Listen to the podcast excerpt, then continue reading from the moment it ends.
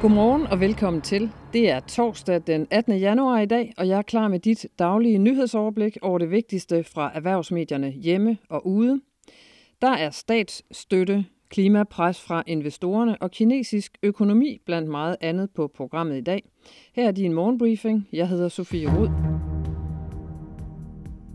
Statsstøtte er på forsiden af børsen i dag. Erhvervsminister Morten Bødskov er i disse dage til World Economic Forums årsmøde i Davos, hvor han vil argumentere for at stoppe den statsstøtte, der lige nu bliver indført i mange lande, også i Danmark.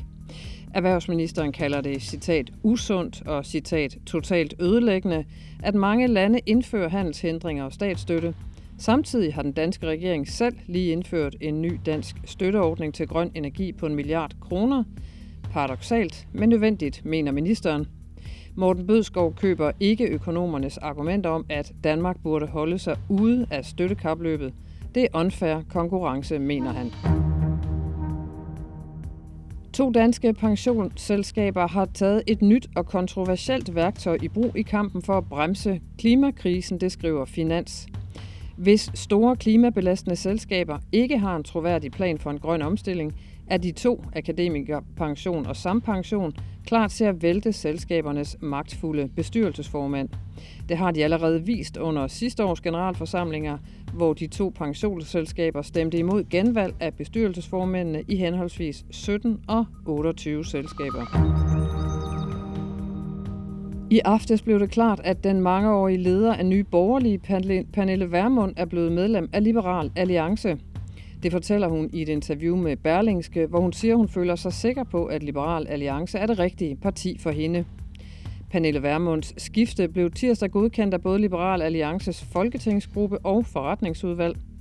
Berlingske spørger Vermund, om hun godt kan leve med, at nogle andre bestemmer over hende, når hun selv har været vant til at bestemme. Til det svarer hun – det ville jeg nok have været, hvis der blev bestemt noget, som jeg ikke havde det godt med, men sandheden er, at jeg meget længe har kigget på Alex Vanopslag og tænkt, at han, har, han kan noget unikt. Derfor bliver det en meget stor fornøjelse at have ham som leder, siger hun. Det går langt bedre for boligmarkedet, end man kunne frygte, skriver børsen. Overgangen til nye ejendomsvurderinger og boligskatter har ellers fremtvunget svedperler på panden af landets økonomer og ejendomsmalere op til nytår. Frygten for et nedfrosset boligmarked uden aktivitet har været alt overskyggende de seneste måneder, men situationen er en helt anden i starten af det nye år.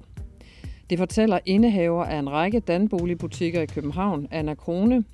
Det var ellers det københavnske boligmarked, der af eksperter blev spået til at blive hårdt ramt med lav aktivitet og få handler i starten af 2024, men nu siger Krone, jeg havde ikke ventet, at vi allerede havde så højt et aktivitetsniveau, det overrasker mig, for at være helt ærlig. Hvis vi sammenligner med andre januar måneder, så er vi over, hvor vi plejer at ligge normalt.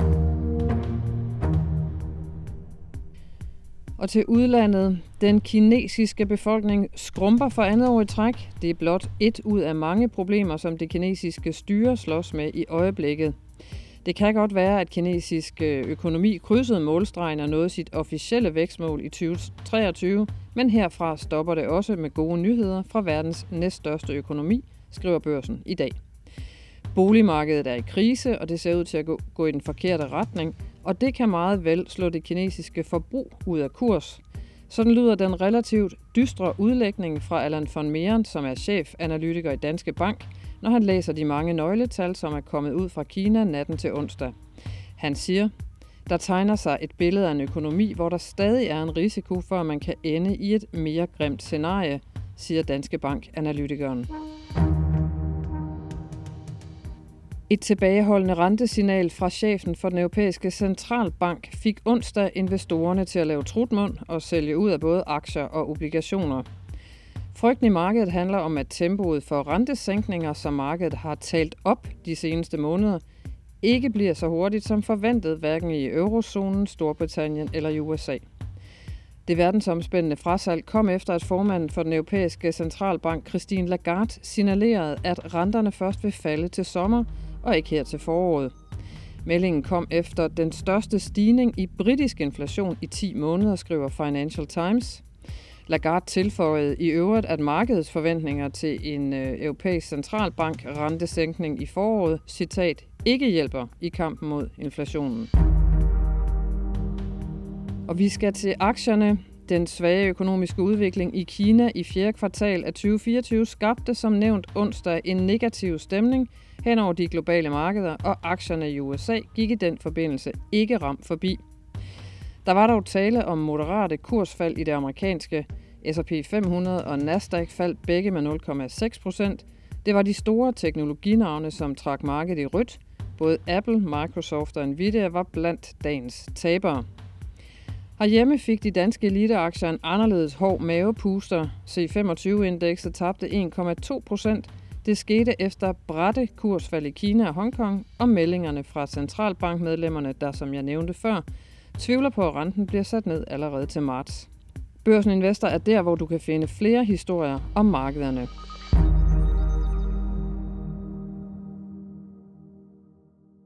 Ugen har budt på regnskaber fra flere store amerikanske børsnoterede selskaber, blandt andet i finansindustrien. Det taler panelet om i denne uges udgave af Børsens Investor Podcast. Her er det Nina Movin, administrerende direktør i Otto Mønsteds Fond, og min kollega Gro Højer Tilst. Altså, det var nogle forholdsvis okay regnskaber. Det er det første, jeg lige vil sige. Det andet, det er, at de udtaler sig jo altid om, øh, hvordan ser verden ud, især Jamie Dimon for, for JP Morgan. Og det ord, de har brugt, det er resilient, altså den amerikanske økonomi, og sådan set også forbrugerne, de har det robust. Det, mm. det, det, det udtryk, de de bruger.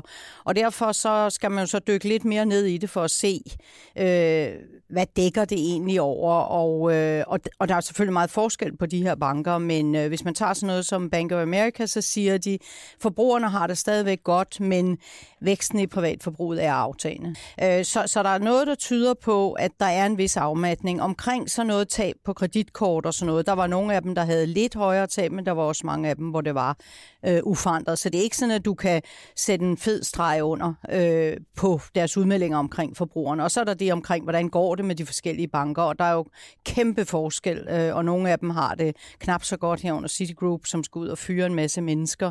Øh, men det man nok kan se, hvis man skal se sådan et samlet billede, det er, at der er noget, der tyder på, at i forbindelse med den uro, der var med Silicon Valley Bank og de andre banker, der havde det meget vanskeligt og måtte blive opkøbt, øh, at forbrugerne og kunderne søger mod de større banker. Tak fordi du lyttede med denne torsdag morgen. Vi er tilbage igen i morgen med et friskt nyhedsoverblik, og indtil da ønsker jeg dig bare en god dag i Vinterdanmark.